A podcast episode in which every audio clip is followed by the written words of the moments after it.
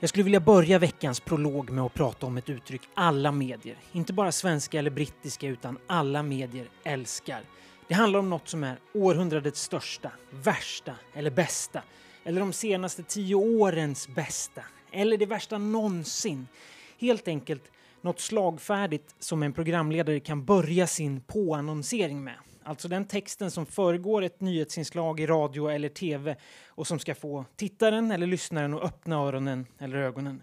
Ni vet när Nyke Nylander, eller Anders Kraft eller Marianne Hasslov säger något som föregår själva inslaget som fotografen och reportern på plats har satt ihop. För tidningar kan man säga att det handlar om rubriker och ingresser. Och när det gäller de enorma översvämningarna i Emilia-Romagna, som för övrigt främst gäller Romagna, det är ju historiskt sett två regioner som slagits ihop till en, så här varit en återkommande formulering som nog även jag själv gjort mig skyldig till. Men det hindrar oss inte från att fundera lite över varför det är så viktigt och mekanismerna bakom. Så här, översvämningarna i Emilia-Romagna är brutala. 14 människor har dött och det är fortfarande tusentals som inte kan återvända hem på grund av att vattnet ligger som små sjöar i deras vardagsrum eller så är hela bottenvåningen ett enda lerigt helvete. Ingen, jag eller någon italiensk tidning pratat med under de här dagarna säger sig minnas något liknande. Men här kommer en viktig parentes. De minns inte något liknande i den här regionen. Det är en väldig skillnad mot att säga att det är de värsta översvämningarna i Italien på 10, 100, 1000 eller vad det nu kan vara år. Att säga den värsta kan betyda många olika saker. Men att det skulle vara de värsta översvämningarna i Italien på 100 år så behöver det inte nödvändigtvis vara bara för att tidningarna skriver det eller borgmästarna i de här drabbade städerna kanske säger det. På 1950-talet inträffade översvämningar där över 100 personer dog. 1994 dog 70 personer i Piemonte i en översvämning. 98 dog över 150 personer i översvämningar i Kampanjen i södra Italien. Ni tänker säkert att det inte är rätt läge att jämföra tragedier och sätta dem i någon slags tabell. Och ni har helt rätt. Men den här förkärleken hos journalister, även om syftet är gott, att hela tiden göra den här typen av utfästelser riskerar att förminska nyhetsjournalistiken till någonting helt historielöst. Så var kom den här uppgiften ifrån då, om att det skulle vara de värsta översvämningarna i Italien på hundra år? Förutom att människor lokalt pratade om dem på det sättet, och igen, då handlade det om översvämningarna lokalt. Med andra ord, att någon från Gävle säger att det är de värsta översvämningarna någonsin betyder inte automatiskt att det är de värsta översvämningarna i Sverige någonsin. Tidningen Il Post skriver om det här och de har gått tillbaka till intervjuer som en meteorolog gjorde med flera italienska tidningar förra veckan i vilka han sa att aldrig tidigare har tre så extrema regn och väder inträffat med så små mellanrum. Då handlar det om regnen som inträffade de första dagarna i maj och så de i förra veckan. Det här är helt klart någonting helt annat. Meteorologen pratar alltså om tre händelser och inte bara de förra veckan. De här intervjuerna snappades sen upp av The Guardian och någonstans där på vägen kan en del av nyanserna gått förlorade i översättningen eftersom The Guardian hade rubriken “De värsta översvämningarna i Italien på ett sekel”. Den här artikeln har sen fått fötter och snurrat runt både på de svenska redaktionerna men också de italienska. Ett typexempel på hur information som är lite fel sen blir till en sanning. Särskilt eftersom nästan alla italienska tidningar på ett eller annat sätt refererat till The Guardians text som ju byggde på information som kom från början kom från just det, de italienska tidningarna. Det säger också något om vilken oerhörd makt de anglosaxiska medierna fortfarande har som The Guardian, New York Times och BBC. För egentligen, i alla fall för mig, så handlar den verkligt viktiga historien här inte om huruvida det är de värsta översvämningarna de senaste hundra åren. Utan det handlar om att det här är något som kommer att bli allt vanligare på grund av klimatförändringarna. Den här regionen, Emilia-Romagna, var innan extremregnen förra veckan och de två veckor före det drabbad av svår torka som gjorde att marken fick ännu svårare att ta upp regnet som istället la sig ovanpå och förstörde städer, vägar, broar och jordbruksmarker.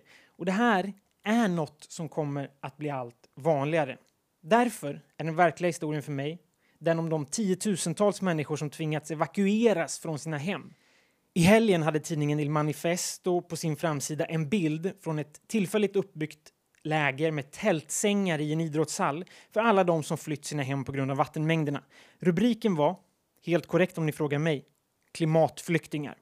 De, klimatflyktingarna alltså, brukar vi tänka på när vi läser om översvämningar i Bangladesh och Pakistan eller uttorkade områden söder om Sahara.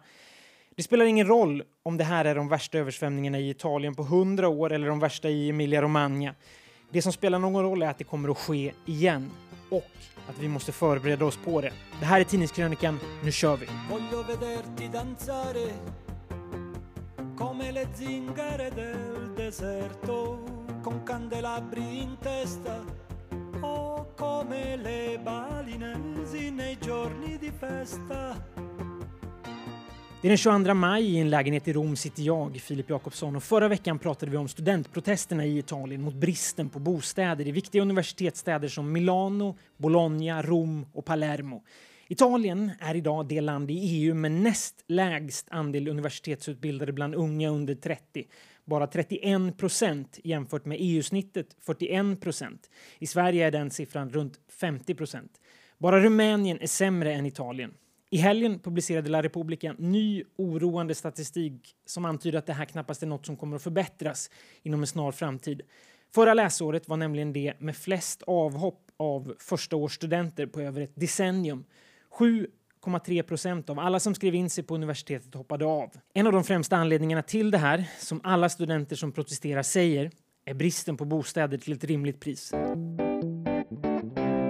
I fredags kom en annan nyhet som hamnade lite i skymundan av översvämningarna i Emilia-Romagna. Efter 45 dagar på sjukhus så lämnade 86-årige Silvio Berlusconi till slut sjukhuset San Rafael där han varit inskriven sedan 5 april på grund av sin leukemi och en lunginflammation. Han har nu gett sin första intervju till Corriere della Sera och förutom hans vanliga prat om alla orättvisor han fått kämpa mot och med hela sitt liv, främst de som han hävdar kommer från det italienska rättsväsendet, pratar han om hur han förlitat sig på himlen, läkarna, sina närmaste kärlekar, sin fru Marta som enligt honom överträffat sig själv och kärleken från sitt folk, alltså då partifolket runt Forza Italia. Men framför allt har han förlitat sig på sina egna styrkor, säger han, som han känner att han börjar återfå och som han kommer att använda för att förnya sitt parti. Jag tänkte läsa några utdrag ur den här intervjun, just mest framför allt därför att jag vet att Silvio Berlusconi och hans förehavanden intresserar mig och nästan lika mycket Tidningskrönikans lyssnare. Rubriken är ett citat. Jag har känt en rörande kärlek mot mig. Nu förnyar jag partiet.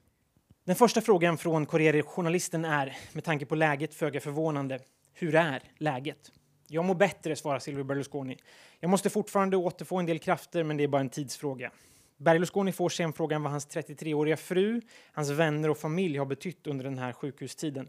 Marta har överträffat sig själv, säger han. Hon har stått vid min sida med en oöverträffad vård och hängivenhet som endast kan förklaras med den stora kärlek som förenar oss. Många gånger har jag varit tvungen att be henne om att vila och ta hand om sig själv, men hon lämnade mig inte ens för ett ögonblick. Mina barn, min bror, mina vänner har också varit mycket nära mig varje dag. I svåra tider är en familjs kärlek verkligen det viktigaste. Är du redo att börja jobba igen och i sådana fall hur? frågar Corriere-journalisten. Sanningen är att jag aldrig slutade jobba. Även från intensivvården höll jag kontakten med ledarna för Forza Italia och gav instruktioner och tips om valkampanjen för kommunvalet förra veckan. I det här sammanhanget vill jag uppmana medborgarna i de kommuner där det blir en andra valomgång nästa helg gå och rösta, för utan röster dör demokratin och Italiens, era städers och era barns framtid. När det gäller framtiden har vi mycket att göra och jag kommer fortsätta göra det som alltid i ledningen för Forza Italia. Och här är ett av de största, jag tar tillbaka ordet Filip alltså, kan det största problemet för Forza Italia, om jag får ge min analys, finnas. Den italienska politiken är extremt personcentrerad och framförallt Forza Italia. Det går idag inte att se det här partiet existera utan Silvio Berlusconi. Och ett sånt här svar gör det bara ännu mer tydligt att det förmodligen ganska snabbt kommer att erodera den dagen Berlusconi inte längre finns. En fråga som Berlusconi får är den om relationen till hans allierade Giorgia Meloni och Matteo Salvini. Relationen med dem är utmärkt, svarar han. De har varit mycket nära mig under de senaste veckorna som sanna vänner, vilket bevisar att vår relation inte bara är politisk utan också innefattar en djup personlig anknytning. Det här utesluter naturligtvis inte att Forza Italia har en specifik roll i det italienska politiska landskapet. Med PD, alltså Demokratiska partiet, Socialdemokraterna, som flyttar allt mer åt vänster och nedgången för Il Terzo Polo, det handlar då om mitten som leds av ex-premiärministern Matteo Renzi som i snart ett decennium drömt om att bli Italiens Macron. Enligt Berlusconi dog den rörelsen innan den ens föddes. Där så växer i alla fall enligt Berlusconi utrymmet i mitten och Forza Italia bevakar det eftersom vi är de enda som verkligen är liberala, kristna, europeister och atlantister. Till sist får han också en eh, fråga om klimatförändringarna i spåren av översvämningarna i Emilia-Romagna. Om han tror, som vissa till höger i Italien, att klimathotet är överdrivet. Jag tar upp det här svaret eftersom han ändå här visar att han som ju ofta tidigare står ganska långt från andra högerpopulister som till exempel Donald Trump. Berlusconi svarar att han tror på vetenskapen, att klimatförändringarna pågår och att det är rimligt att tro att det beror på människan. Därför handlar det om, säger han, att engagera sig för att skydda skapelsen. Ja, han säger skapelsen faktiskt. Världen runt omkring oss som kommer att vara vårt arv till framtida generationer är en skyldighet som inte har något att göra med ideologiska frågor eller politiskt ställningstagande. En annan sak är att diskutera de mest effektiva metoderna och deras ekonomiska och sociala kostnader.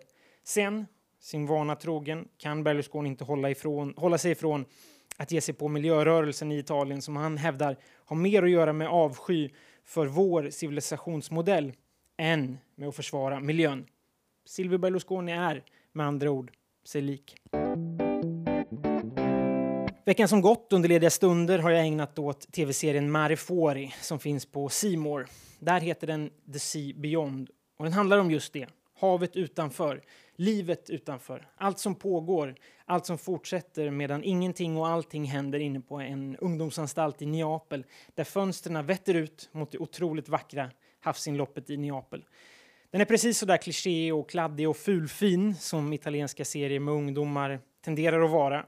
Men jag kan verkligen rekommendera den. Om inte annat för de underbara miljöerna runt Neapel och att den på ett faktiskt ganska trovärdigt sätt också berättar om de sociala skillnaderna mellan norr och syd och hur det kan vara att växa upp i en miljö där kriminaliteten inte är något som unga människor nödvändigtvis väljer. Du föds in i det här eller så ser du helt enkelt ingen annan väg ut ur det eller så är det kriminaliteten bara ett sätt att hantera tristessen som följer med ett liv dömt till fattigdom och utanförskap. Något som i Neapel är vanligare än på många andra platser i Italien och norra Europa. Med det sagt, serien The Sea Beyond leker stundtals kanske lite för mycket med stereotyper och kladdiga klichéer. Säsong 4 har precis gått upp här i Italien och alla, då menar jag verkligen alla, tittar på den. Därför, och det här kanske också säger något om mig, så gör jag också det. Radio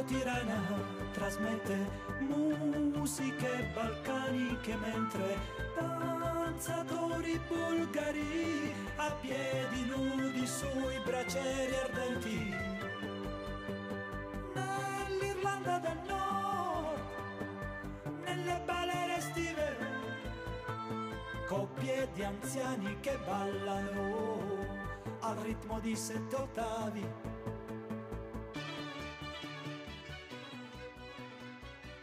Det var allt för den här veckan. Tidningskrönikan är tillbaka nästa söndag. Tills dess, ha det gott och sköt om er.